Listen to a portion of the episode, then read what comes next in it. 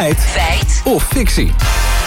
Ja, over het uh, verscheuren of verbranden van de Koran. Maar waarom? Ja, ik hoorde gisteren hier op uh, NPO Radio 1 over de Koran dit opvallende bericht. De voorman van anti-islamorganisatie Pegida vernielde het boek zondag in Den Haag bij een protestactie voor de Tweede Kamer.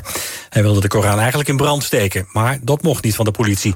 Ja, en eerder probeerde Pegida ook al Korans te verbranden... maar dat werd toen ook al verboden door de politie. Maar heeft de politie dan gelijk? Mag je in Nederland geen Korans verbranden bij een demonstratie? Ja, we waren benieuwd of dat in de wet staat. Nou, we zijn het gaan uitzoeken. We belden eerst met Gerbrich Klos, specialist demonstratierecht bij Amnesty International.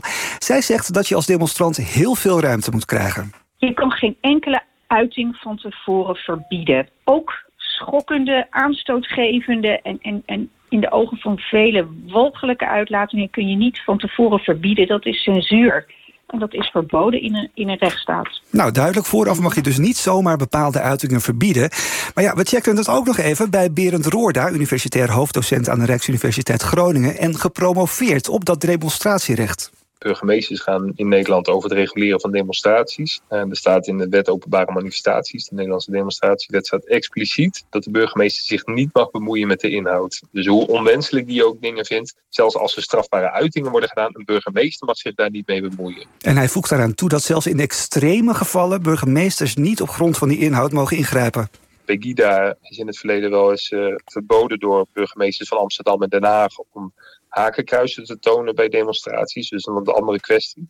En um, nou, de rechter heeft bij de burgemeester ook op de vingers getikt en gezegd: ja, dat mag je, daar mag je je niet mee bemoeien als burgemeester. Oké, maar, maar wie en wanneer dan mag er ingegrepen worden bij demonstraties? Ja, dat gebeurt blijkbaar wel. Nou, Roorda zegt als een demonstrant daadwerkelijk strafbare feiten pleegt...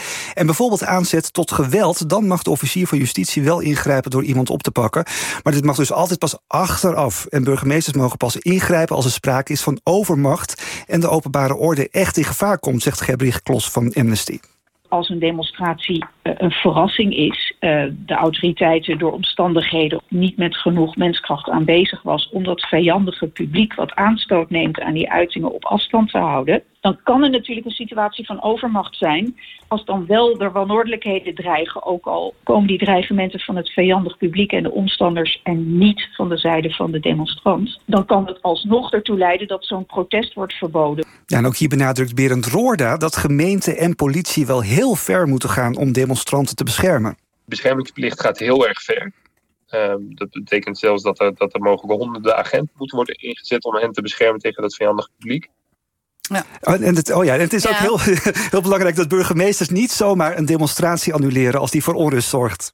Anders beloon je eigenlijk dat, dat bedreigende, gewelddadige gedrag. Want dat is wat dat vijandige publiek wil. Hè? Die wil namelijk dat die, dat die manifestatie of dat die uiting niet doorgaat. Oké.